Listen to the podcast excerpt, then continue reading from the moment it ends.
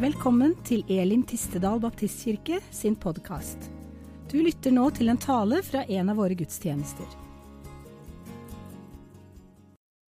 Og da er det et bilde her. Jeg husker ikke hvilken romersk by den er henta fra. Men det er, det, er, det er, en tegning på en veggtegning der den prøver å tegne hvordan den første kirken så ut. Og det så ganske sånn ut. Tatt med sånn eldgammelt polaroidkamera. For å bruke det ordet. Der man rett og slett male på veggen. Sånn gjør vi det. Og Der ser vi et bilde av masse menn og kvinner som sitter rundt et bord. Jeg tror det er, nei, det er kanskje bare menn vi ser på bildet her. Alle har skjegg, kanskje.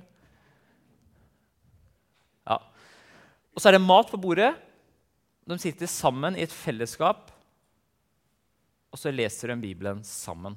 Eller leser Bibelen sammen. De leser en del av Bibelen sammen.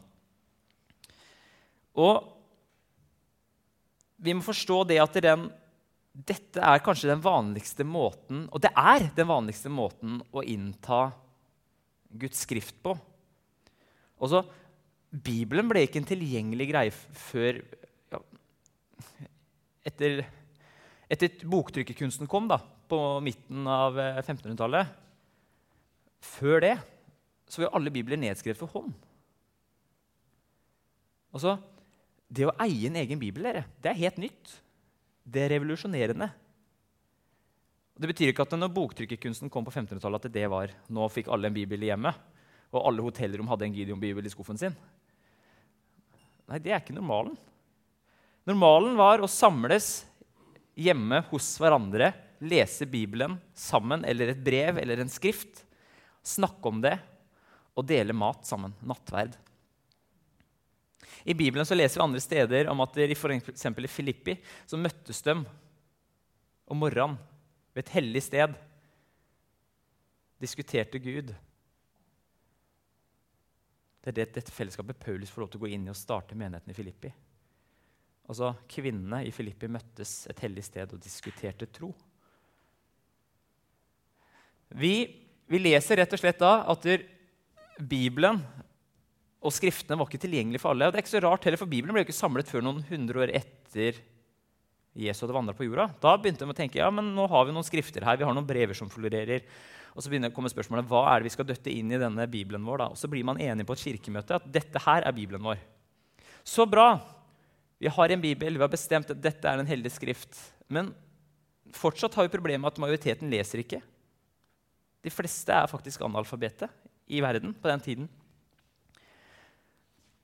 Og man kan ikke akkurat laste ned Uverson på telefonen din og bla opp eh, Bibelen på det språket du, du leser, og lese den om morgenen. Eller få et sånt der ding, ding, klokka tolv i lunsjen på jobben, så ringer det inn standard på bibelappen. Husk å lese dagens bibelvers. Nei, det er ikke sånn det sett ut. Til å begynne med, når vi først hadde fått satt fast det her er Bibelen, eh, og på, fra 300, uh, midten av 300-tallet fremover så begynte man å få klostre rundt omkring i verden. Og da begynte folk å, å skrive Bibelen, kopiere Bibelen. Eh, og yes, endelig så er det flere utgaver, og får, måte, det begynner å florere mye mer. da, skrifter. Men man regner at det tar ca. pluss-minus et år å, å, å kopiere en bibel for hånd. Så hvis du skulle ha en bibel på ditt nattbord så måtte du betale en skriverske for å skrive Bibelen for deg. Du måtte betale, du måtte lønne en mann eller en kvinne ett år for å sitte og skrive ned og kopiere Bibelen til deg. Har den vanlige mannen i gata råd til det? Nei, hvem er det som har råd til det? Menighetsfellesskapene hadde kanskje råd til det. De gikk sammen alle i en menighet og så kjøpte de én bibel til menigheten. Og så hadde du disse hva skal vi si, rike eliten som også var interessert i Guds ord, som fikk seg et eksemplar. Men Bibelen var fortsatt ikke en eh, allmenn ting man hadde, fikk tak i. Sett den der før. Gutenberg han skal vi takke for mye også. Gutenberg han eh, kom med denne fantastiske trykk Eller det må jeg si, det må jeg si før vi går dit. Hvordan overførte man bibelsk lære da, før man hadde Skriften? Har tenkt litt på det? Muntlig, ja. Muntlig tradert, heter det på fagspråket. Vanskelig ord. Altså, det vil si at det overføres muntlig. Og vi vet faktisk at det her ble gjort veldig praktisk og veldig enkelt. 15 år etter at vi fikk vårt Nytestamentet, og det siste Nytestamentet ble skrevet, så vandret det en mann på jorden som het Ignatius. Han var disippel av Peter. Og Ignatius sin oppgave det var så lenge Peter levde, det var å gå helt i ryggen på Peter hele veien. Og lære alt Peter sa. Og gjerne ordrett. Har dere hørt om Ignatius? Ja, noen har hørt om ham, noen har ikke hørt om ham. Og det er ikke så rart, for vi, vi, legger ikke så mye vekt på disse første trosheltene i, i vår kirketradisjon. Men innenfor den ortodokse spesielt, og, og, den katolske så er disse veldig viktige mennesker. Også det, er, det er andre generasjons disipler. dere. Ignatius bl.a. Og, og han eh, bærte Peters lære videre. Og vi har tatt vare på alle brevene hans. Han skrev 15-16 brev i perioden 15 eh, år etter evangeliet, siste evangeliet var ferdig.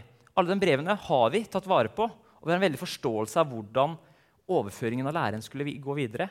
Og det vil si, Menigheten måtte være samlet. Ignatius skriver det, at menigheten er et fellesskap. Og så vi, leser vi i Bibelen om disse eh, folka som skal være tilsynsmenn, leser vi i brevene. Tilsynsmannen i menigheten være til stede. Til, tilsynsmannen var den personen som kunne læren. Det var en disippel av en av apostlene. gjerne. Ignatius var en tilsynsmann.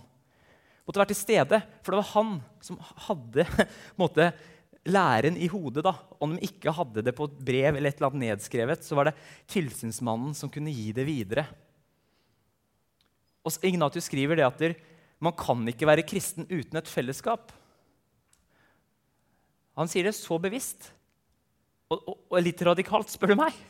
Men det han peker på er at det, uten å være et fellesskap der man snakker om læren etter Jesus og apostlene, åssen skal du la Guds ord forme deg da? Åssen skal du ha tilgang på de få skriftene vi har? Hvordan kan du ta del i nattverden? Det er det han sier. da. Vi må være en del av et fellesskap for å klare å ta del i i Guds ord, og det skal få lov til å endre vårt sinn. Eh, Ignatius han er en av dem få. Det er vel bare han vi vet ble kastet i Colosseum. Det er sånn fun facts hvis dere syns det er moro. da. Til løvene. Det var mange som ble kastet til løvene, og forskjellige ting, men ikke i Colosseum. Det var bare Ignatius som fikk den æren da, å få lov til å dø på en enorm arena. Vi skal kalle det en ære. En annen eh, viktig type det er Polikarp. Hørte navnet før? Polikarp. Han kom fra Ismir, dagens Ismir eller Smyrna, som det het på den tiden. Han, var, ned, var av, eh, var disippel av Johannes, døperen, nei, ikke døperen, men apostelen Johannes. Han som skrev Johannes' evangelium, og bærer Johannes sin lære videre. Og Hvis du leser Johannes' evangelium, så leser vi at, det, at det, Gud ble menneske, står det. Tok et menneskes skikkelse. En veldig viktig ting hos Johannes, og det Polikarp gjorde hele sitt liv, det var å bekjempe denne utstikkeren av menighetsformen som snakket om at, der, at der, eh, nei, men Jesus var ikke menneske, han var bare et menneske, men han var inspirert av Gud. For Det kom en egen retning innafor kristendommen som sa det. Og det var Polikarp sin livsoppgave å motsi det. Hvorfor det? Jo, for han hadde læren etter Johannes. Han hadde læren etter apostlene. Vi vet også at Polikarp mest sannsynlig var med flere av apostlene og ikke bare Johannes, men det var Johannes han var disippel av. Så han hang med hele den guttegruppa som hadde gått tett på Jesus et helt, helt år. Sånn overførte man læren før Skriftene kom, før Bibelen kom. Er det ikke litt kult? Lukas' evangelium, hvor, hvorfor eksisterer det? Vet dere det? Helt i starten av Lukas' evangelium så står det det. Min kjære Tefilius. Teofilius er det vel. Teofilius, eller Teofilo. Og det, det, er gresk, og det kan oversettes med den, 'han som elsker Gud', eller 'de som elsker Gud'. Så man er litt usikker på om det var en gresk embetsmann som het det, faktisk, eller om det var rett og slett til menigheter som hadde gått sammen og betalt Lukas, en lege, til å samle verkene rundt Jesus, skrive Lukas' evangelium og apostlenes gjerninger. Og Dette skjedde rett før Paulus ble, kastet, nei, ble tatt livet av i 64, som man regner med det ble ferdigstilt i rundt 60 etter Kristus. Altså Det er 30 år etter at Jesus gikk på jorda. dere. Det er ikke mange år, det. Jeg har snart levd i 30 år. Jeg syns ikke det er så lenge. Så, men, men, det var sånn Skriften ble gitt videre. Og når Lukas' evangelium var ferdig, Så sendte man dem rundt i kirkene, og så leste man det for hverandre. Så alle skriftene og alle brevene det ble sendt rundt. Og så kommer vi til den fantastiske bokpressa vår. Den som endret en hel verden. Gutenberg sin bokpresse. Den, den, er jo fantastisk. Du skal takke Gutenberg på bokpressa. For det den gjorde, den var med på å gjøre Bibelen tilgjengelig for alle. Samtidig som den kom på markedet, for å si det sånn, så hadde man reformasjonen. Og så gir vi Luther masse ære for at han oversatte Bibelen til tysk, som etter hvert ble en vane i den lutherske kirken, og etter hvert den katolske, å oversette til det morsmålet man var i, det landet man var i. Eh, men Luther det var ikke bare han som startet, med det her var et prosjekt som gikk parallelt flere klostre rundt, med Luther som var raskest og på en måte fikk gjennomført det. Og Gutenberg, når han var ferdig med bokpressa si, vet du hva noe av det første han pressa var for noe? Han pressa Bibelen Jeg tror det var 100 eksemplarer han pressa. Ikke helt sikker på 100 eller 25. Første opplag. Og så pressa han latinsk eh, ordbok. Hvorfor det, tru? Jo, for det, i det området han herja holdt på, så var det jo Bibelen på latinsk. Så han valgte å legge tiden inn i det å gi Bibelen, altså gi muligheten til å lese Bibelen både på latinsk i det som i den katolske kulturen, men også etter hvert på de språkene man snakket. Altså, med andre ord, Man tar tilbake Guds ord og gir det tilbake til folket, som at folket skal få lov til å lese. For på den tiden her, da, rett før reformasjonen, så var det kirken som hadde monopol på Guds ord. Og sånn skal det ikke være. Og det skal vi komme tilbake til, det òg. Men vi spretter videre. Dessverre, da, med Gutenberg sin uh, oppfinnelse, dessverre da, i hermetegn, var at den, den var jo ikke effektiv nok. Et opplag hadde gjerne ikke mer enn 200 bøker. Og da er det de 200 med mest penger da, som får den første bibelen. Første biblene. Og så når det kommer opplag nummer to, da, så er det de 200 neste da, med mest penger. Så får, altså, skjønner dere tanken? Det er fortsatt for dyrt. da. Det er den vanlige mannen i gata får tak i den. Men etter hvert Sånn som i dag. Vet du hva man kan få en bibel for i dag? Jeg sjekka nå for noen dager siden. Vanlig bokhandler i Norge så får du Bibelen for cirka, kan du få den helt ned til 100 kroner. Og jeg så til og med noen som hadde tilbud på den for 69,90. Tenk på det. Hele Guds ord for 69,90, dere. Det er ikke en McDonald's-meny engang. Hallo! og så har du denne U-versen som er gratis. Jeg tror ikke dere forstår det, men nå har du Bibelen i lomma til enhver tid. Når jeg gikk på videregående, så hadde jeg en sånn liten pocketbibel, og så gikk jeg bevisst med den i baklomma til jeg fikk vondt i ryggen, for du sitter skjevt på stolen. Eh, og jeg tulla litt med å si at jeg alltid skulle ha Guds ord på baklomma. Eh, jeg er veldig glad for at new version kom, for da slapp jeg å sitte og bli skjev i ryggen. Da kan jeg heller ha den på mobilen på forlomma i stedet for. Også, Bibelen har aldri vært så tilgjengelig. dere. Verken for oss her i Norge eller i verden generelt. Og det er helt nytt. Vi kan koke det litt ned. da, så kan vi, kan vi sette sånn cirkatall. I 150 år har Bibelen vært vanlig for deg og meg. Av hvor mange år? 2000 år. Det er litt å tygge på, altså. Og så tilbake til den måten hvordan vi kontrer Bibelen i dag. da. Er det feil? Nei, langt derifra. Det er absolutt ikke feil. Men det er litt viktig at vi tar med oss at det er ikke sånn Bibelen ble, altså Bibelen ble ikke skrevet for å lese alene. først og fremst. Den ble skrevet for å lese i et fellesskap, som vi er kalt til å være. Er det feil å lese den alene? Nei, absolutt ikke. Men det kan hende det er en del ting i Bibelen vi ikke får med oss for vår kultur og vår måte å gå fram på. Jeg klarer ikke å plukke opp de tingene som er skrevet inn i Bibelen både i Det nye og Det gamle testamentet, i den tanken at det skal leses i et fellesskap. Altså, vi har med oss forskjellige bakgrunner, forskjellige livssituasjoner, forskjellige kjønn. Vi er forskjellige eh, ja, altså samfunnsklasser, alle samlet på ett sted. og Det er det Kirken er kjent for. Og så Når du leser disse brevene til offiserene som sendes tilbake til eh, keiserne, eh, bl.a. Plinius, eh, Plinius en, en, høvding i Tyrkia som drev og forfulgte kristne, han var helt fra seg. For han spurte, og skriver han, skal jeg straffe niåringer på lik linje som jeg straffer 30-åringer. Skal jeg være like hard mot kvinnene som jeg skal være mot mennene? Og hva med han høyt, høyt, eh, han i høy samfunnsklasse kontra han i lav samfunnsklasse? Skal jeg dra alle over samme kam? For det er det jeg gjør nå. For jeg ser ikke noen annen måte å være rettferdig på. For her er alle ett fellesskap. Det er ikke noen som skiller seg ut i fellesskapet. her. Altså, han har et problem. da, rett og slett.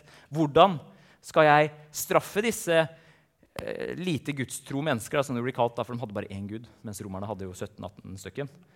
Altså, De var jo gudløse. De hadde jo bare én gud. Og han døde til og med på et kors. Altså, Hvordan? Det er jo alle slags typer mennesker på ett sted, og det er akkurat det vi skal være. Vi skal ikke være en homogen gruppe. Vi skal være en gruppe som er representert av alle samfunnslag, alle form for jobber, alle livssituasjoner. Den type gruppe er ment til å lese Bibelen sammen. Og jeg skal begrunne det nå. Og nei, det er absolutt ikke feil å lese Bibelen alene på søndags morgen eller på en hverdag med en kaffekopp i hånda og et knekkebrød i den andre hånda og sitte og gruble på Bibelen. Absolutt ikke. Jeg oppfordrer til det. Jeg kommer til å fortsette å oppfordre til det òg. Men vi må forstå det, at det er ikke den kulturelle setningen Bibelen ble skrevet inn i. Henger dere på? Hvilke briller har vi når vi leser? Det er det spørsmålet vi har. Lesebriller, sier du da. Ja, helt riktig. Men, men, det er litt viktig at vi forstår det, at det er ikke alt vi klarer å plukke med oss. Det er en verdi i det å sitte sammen. Hva sier Bibelen selv? Jo, hvis vi starter i Mos, nei, andre Mosebok, og det første stedet vi leser at Skriften i seg selv snakker om seg selv altså det, er, altså, det er rett og slett meta. altså Det snakker om seg selv i seg selv. Altså Bibelen snakker om seg selv når den ble skrevet. Og Det første stedet det er når, rett og slett, når eh, Israel må forsvare seg mot almakittene etter de har gått ut av Egypt og over vannet og, og måtte blitt en del av Guds folk.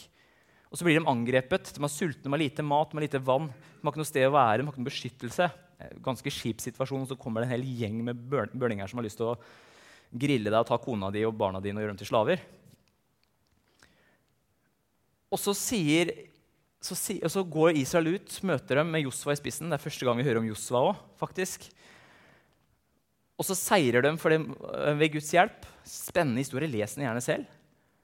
Og så kommer det her. Skriv dette ned i en bokrull som et minne, og les det opp for Josva. For jeg vil fullstendig utslette minnet om almakittene under himmelen. Og så Skriv ned det vi har vært vitne til nå, i en bokrull. Les det for Josva, så han ser og husker og minnes hva jeg har gjort for han. Og så ser vi litt senere, da de er ved Sinai-fjellet, og de har inngått en avtale med Gud, israelsfolket og, og, og Gud, før Moses går opp for å få steintavlene. Og så står, står det der i 2. Mosebok 24.: Moses kom og kunngjorde alt, alle Herrens ord og forskrifter for folket. Da svarte de samstemmig. Alt Herren har sagt, vil vi gjøre. Så skrev Moses ned alle ordene fra Herren, og det gjorde han foran dem. Det er litt som man tar opp en båndopptaker. Ok, dere sa det. Da skriver vi det ned sammen. Er vi enige om det da? Ja? Ingen, nei, ingen protester. Da skriver vi det ned. Og Det var ikke for at det skulle erstatte den muntlige tradisjonen, men det var for at de skulle kunne gå tilbake til det og se hva det vi faktisk ble enige om. Rett og slett et arkiv man kan bla opp og se.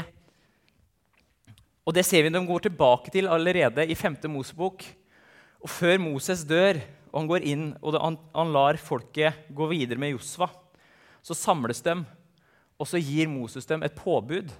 Og dette er et fantastisk påbud. Og så tenker du, Er den blitt lovisk? Nei, absolutt ikke. Men se visdommen i det her. Heng på nå. Og Moses ga dem dette påbudet. Hvert sjuende år i ettergivelsesåret under høytiden, når hele, Israel kommer og trer fram for Herren sin Gud, ansikt på det stedet han velger seg ut, Altså det stedet, altså det stedet, i Israel som blir deres møtested, som blir Jerusalem. Da. Skal du lese opp denne loven foran hele Israel, slik at de hører det? Kall folket sammen, menn, kvinner og barn og innflyttere som bor i byene dine, slik at de hører og kan lære å frykte Herren deres Gud og trofast følge hvert ord i denne loven. Også barna deres, som ennå ikke kjenner den, skal høre den så de lærer å frykte Herren, deres Gud, så lenge dere får leve i det landet dere skal legge under dere når dere går over Jordan. Og så, Moses lager en praksis der de hvert syvende år skal minne hverandre om, og da leser de hele Skriften. Altså hele Mosebok 1-5. da. Og så vil jeg jo si, men Det står jo i Mosebok at Moses går bort og dør. Ja, vi vet, at, og det er store beviser for at Bibelen er, eller ikke Bibelen, men Mosebøkene er revidert i ettertid. og så de fortsetter å skrive etterpå. Og så etter hvert som Israel gikk, så skrev de bare inn mer og mer i Mosebøkene. Fram til de kom til det punktet de går over Jordanelva. Så, så, for hvert syvende år så blir det jo mer for dem å lese. da. Og vet du hvor lang tid det tar å lese første Mosebok til femte, ut femte Mosebok? Ja, rundt 20 timer. Men da satt hele nasjonen, ikke eliten, ikke de som var interessert. Alle satt der, og de tok med seg ja, Ali, på, Ali i naboblokka og sa du skal være med, du òg, for du bor her i landet. det her er vår kultur, nå skal vi ha det fint sammen. Skal vi spise litt, og så skal vi sitte og høre på hvem er vi Og På den måten så inkluderer de jo også dem som bor i landet. Ser dere det? Menn, kvinner, barn og innflytterne Altså, Vi alle skal ha den samme identiteten. Vi leser det sammen, skaper den samme forståelsen. Og jeg vet ikke om dere har vært på en sånn jødisk eh, høytid der de leser fra Skriftene. Jeg fikk lov til å være med på en i, i Sør-Amerika når jeg var der, og fikk lov til å være med og lese historien om Ruth. Nei, om Ester. Fantastisk. Og hver gang Mortikai blir nevnt, så jubler vi. Yeah! Ikke sant? Og så hver gang vi nevner han Jeg husker ikke hva han andre heter. Jeg. Han eh, bad guyen. Kan du hjelpe meg med det? Ja, Haman, ja. Hver gang Haman blir nevnt, så slår man på tallerkener og glass og bø! Og så lager man et skikkelig leven og liv rundt det. Ille moro. Men det er ikke bare moro, det er noe annet, og det er identitetsskapende. Man deler følelser. Og det har jødene gjort siden de fikk Skriften, er å lese om Pesak, altså påsken. De leser om utvandringen, de leser alle disse historiene som former dem. I fellesskap, og så deler de følelser, opplevelser, sinne, sorg. De deler alt det her. For det er vår historie, det er ikke min historie. Min bibel. Nei, det er ikke det. Det er vår bibel. Vi skal ikke sitte alene med en kaffekopp og furte over Bibelen. Vi skal sitte sammen. Så skal vi erge oss, og så skal vi le, og så skal vi gråte. Og så skal vi dele opplevelser vi finner i Bibelen, sammen. Og så skal vi ha én identitet rundt det. Det er tanken. Og Hva betyr da dette her som vi leser, da, eh, som Moses pålegger oss? Men pålegger han oss det? Nei, det er noe visdom da, som vi skal ta med oss. da, ok? Bibelen er formet både i tekst og utforming i seg selv for å bli memorert. Har du lagt merke til når du leser for i Levitikus, at det er mye repetisjon? altså tredje Mosebok? Er det noen som liker å lese den boka? Ennå til det gode og syns at det er den beste boka i Bibelen. Hører noen si det? Det er bare repetisjon og instrukser. Og når de først har beskrevet tempelet én gang, så leser du litt til, og så beskriver de tempelet en gang til. altså tabernaklet, Og så stusser du på er det ikke nok første gangen. Og så er det skrevet på så fryktelig vanskelig, dårlig norsk. Og det er ikke så rart, for det ble jo skrevet på hebraisk, og gjerne på rim. Og på måter som gjør at man skulle huske det og memorere det. Når du oversetter et rim, eller altså en form for måte å skrive noe på, til norsk, så fjerner du jo rytmen i det.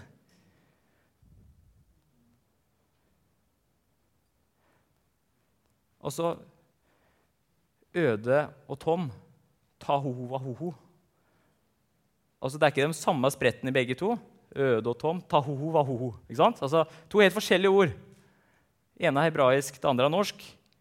Du, du, fjerner denne innlæringsteknikken jødene la i det. da. Og Hvis du ikke har forstått det, ja, da blir Bibelen vanskelig å lese. Den er like vanskelig når du vet det, men nå vet du hvorfor den er vanskelig å lese. Og Da er det litt lettere å svelge den, den pastillen.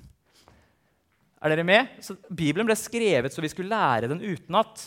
Ikke du og jeg, for den ble ikke skrevet til oss, den ble skrevet til jødene. Bibelen er skrevet for oss, så vi kan lese og hente noe ut av det. Men det er jo jødene som fikk den.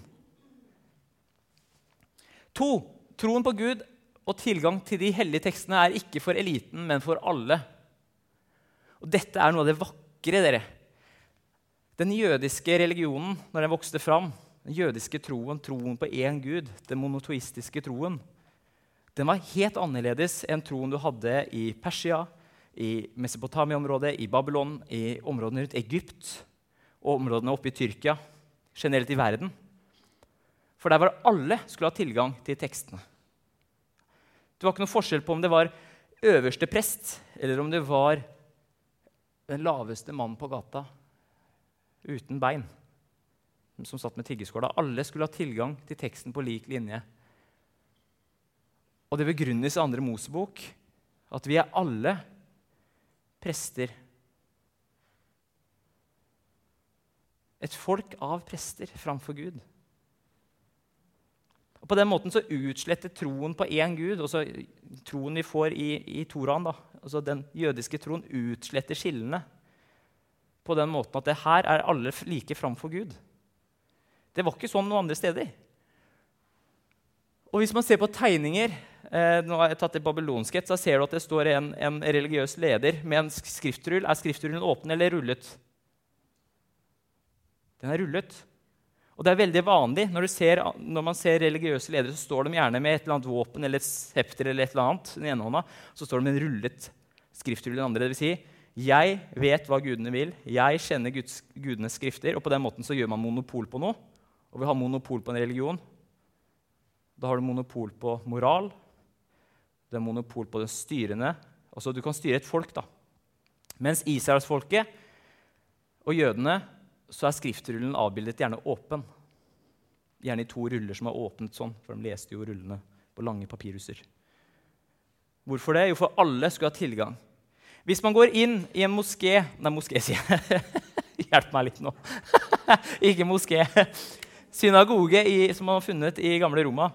Eh, og så er det Vegg i vegg med den så er det, er det en annen religiøs eh, romersk tro. Jeg husker ikke hva den het. den var på S. Uansett så er de begge bygga har fine veggmalerier. På den jødiske synagogen så er, er skriftrullen åpen. Og det er et bilde der man leser skriftrullen sammen.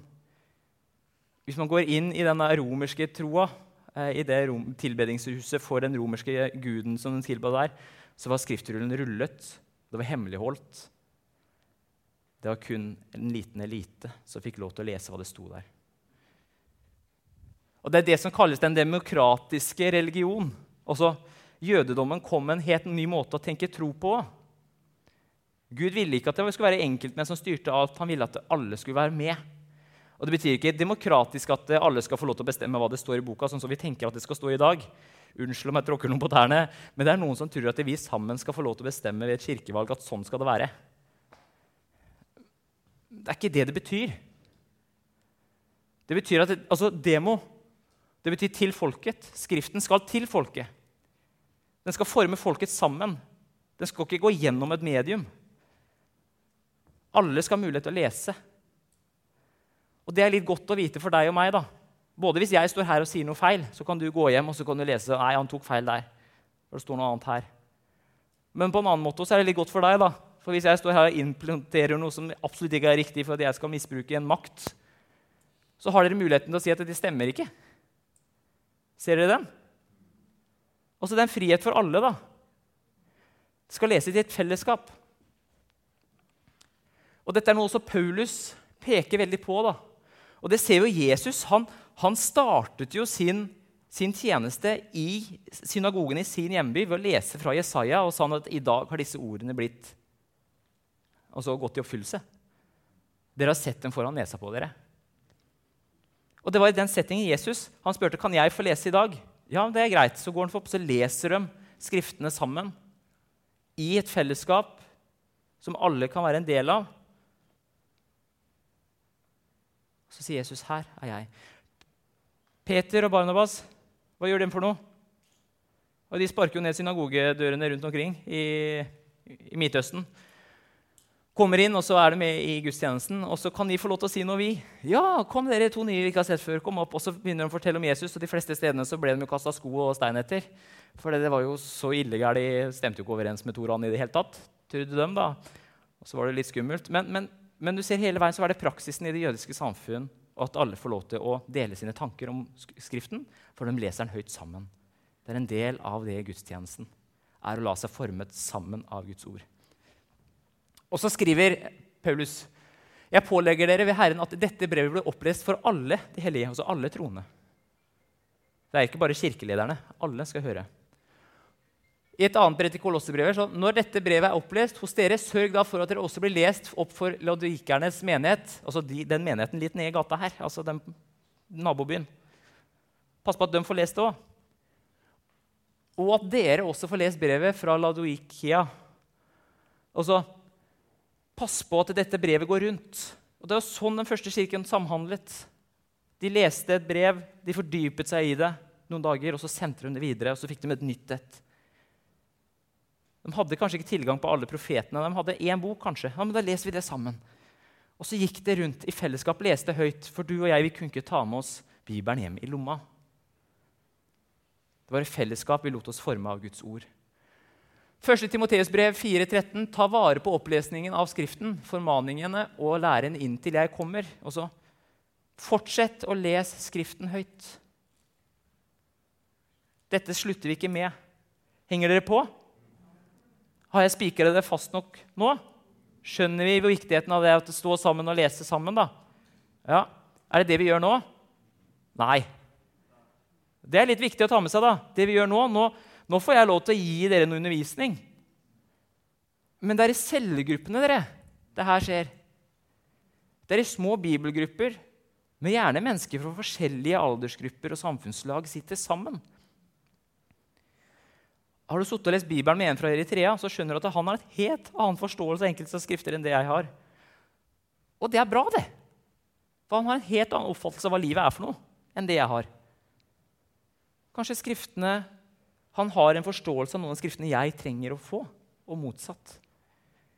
Og noen av oss opplever at livet er en dans på roser fra man blir født til man dør omtrent. Og så er det noen av oss som opplever at vi, vi staker i møkk fra start til slutt. Og så og så ler dere. Ja, Men det er jo tilfellet, er det ikke det? det er, og det handler om at da har vi litt forskjellige oppfattelser av livet òg. Og da vil Skriften også belyse enkelte ting på forskjellige måter. Det er derfor det er så utrolig viktig at når Øystein oppfatter én ting og jeg en annen ting, at vi kan dele det.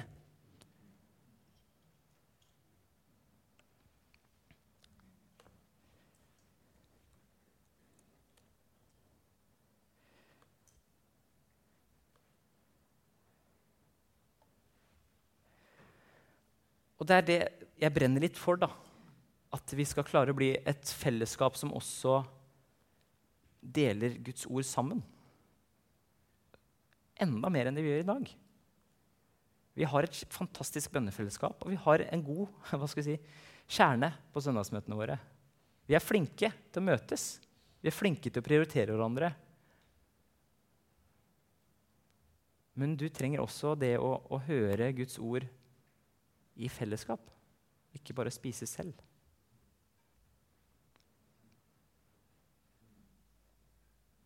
Se for deg israelittene sitter der, da, og de er på 16. time.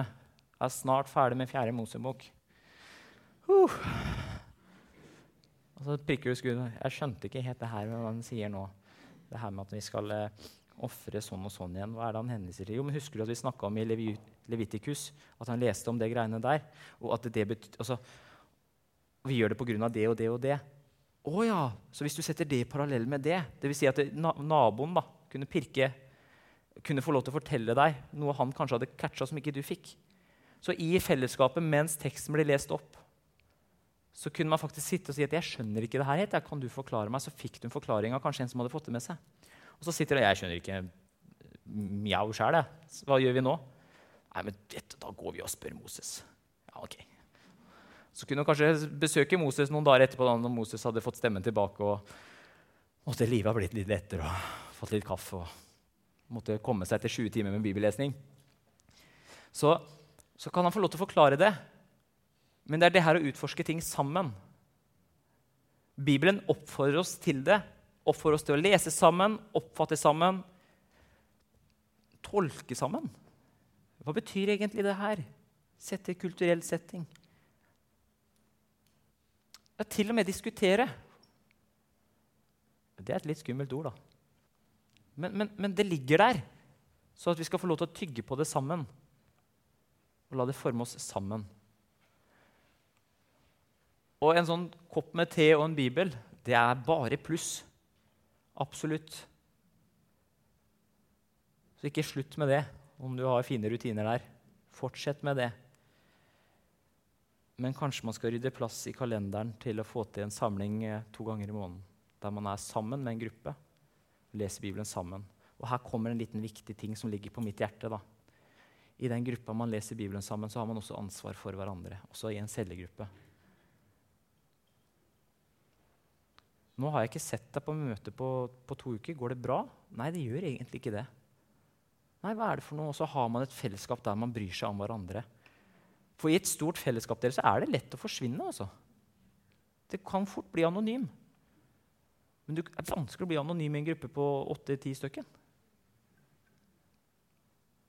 Spesielt hvis man er litt obs på at vi har ansvar for hverandre, følger hverandre opp.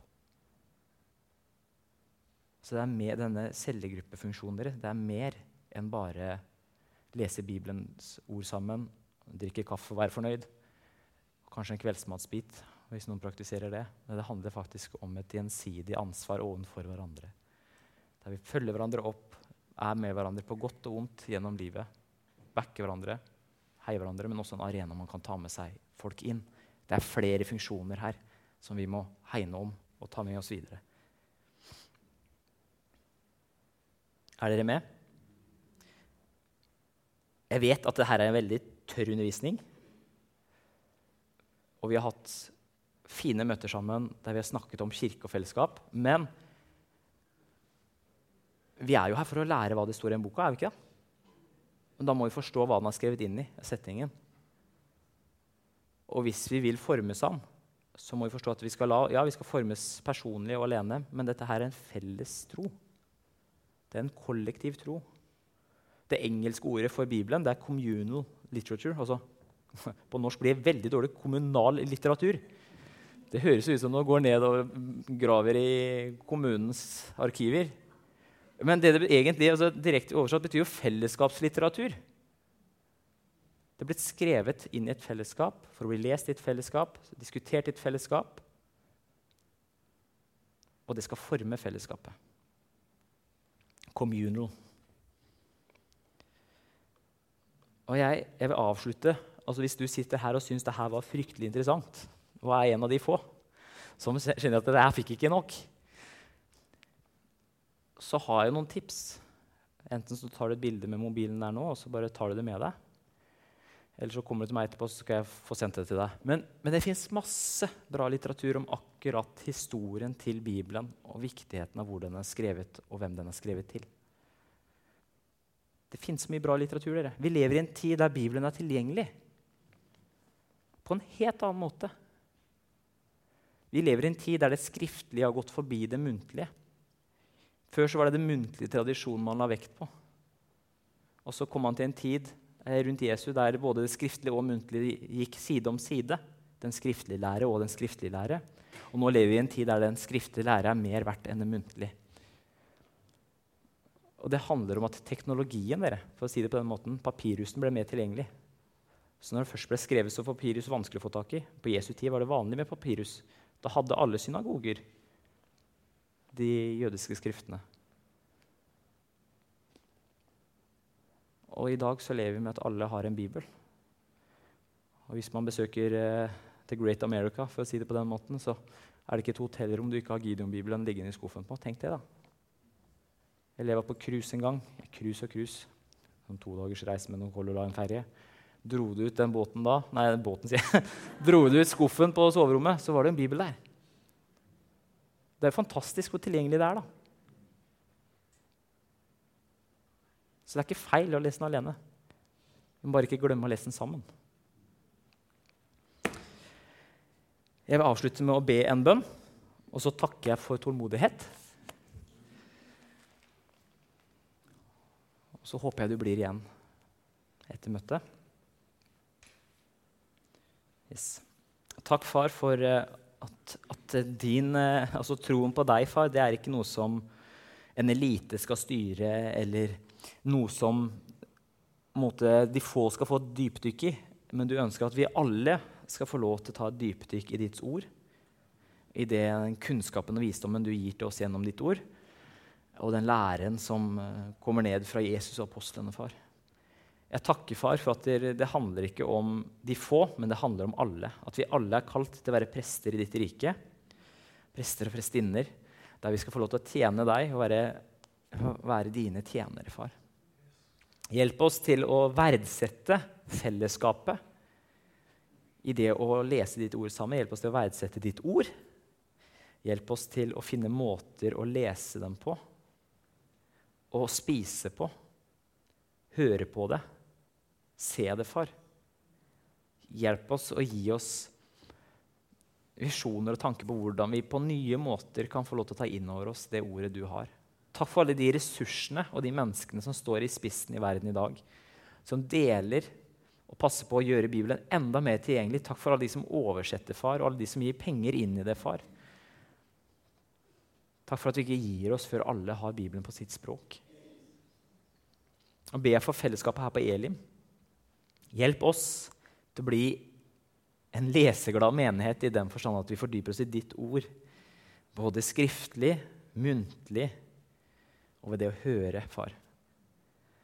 Hjelp oss til å ta det inn til oss og la det forme våre liv sånn som den er ment til å gjøre. Og at vi med overbærenhet kan snakke om Bibelen i fellesskap. Og la det være Bibelen som definerer hvem vi er, og våre verdier. Hjelp oss til å elske hverandre. Hjelp oss til å heie på hverandre, løfte hverandre fram. Og hjelp oss til å støtte hverandre gjennom livet. I Jesu navn. Amen.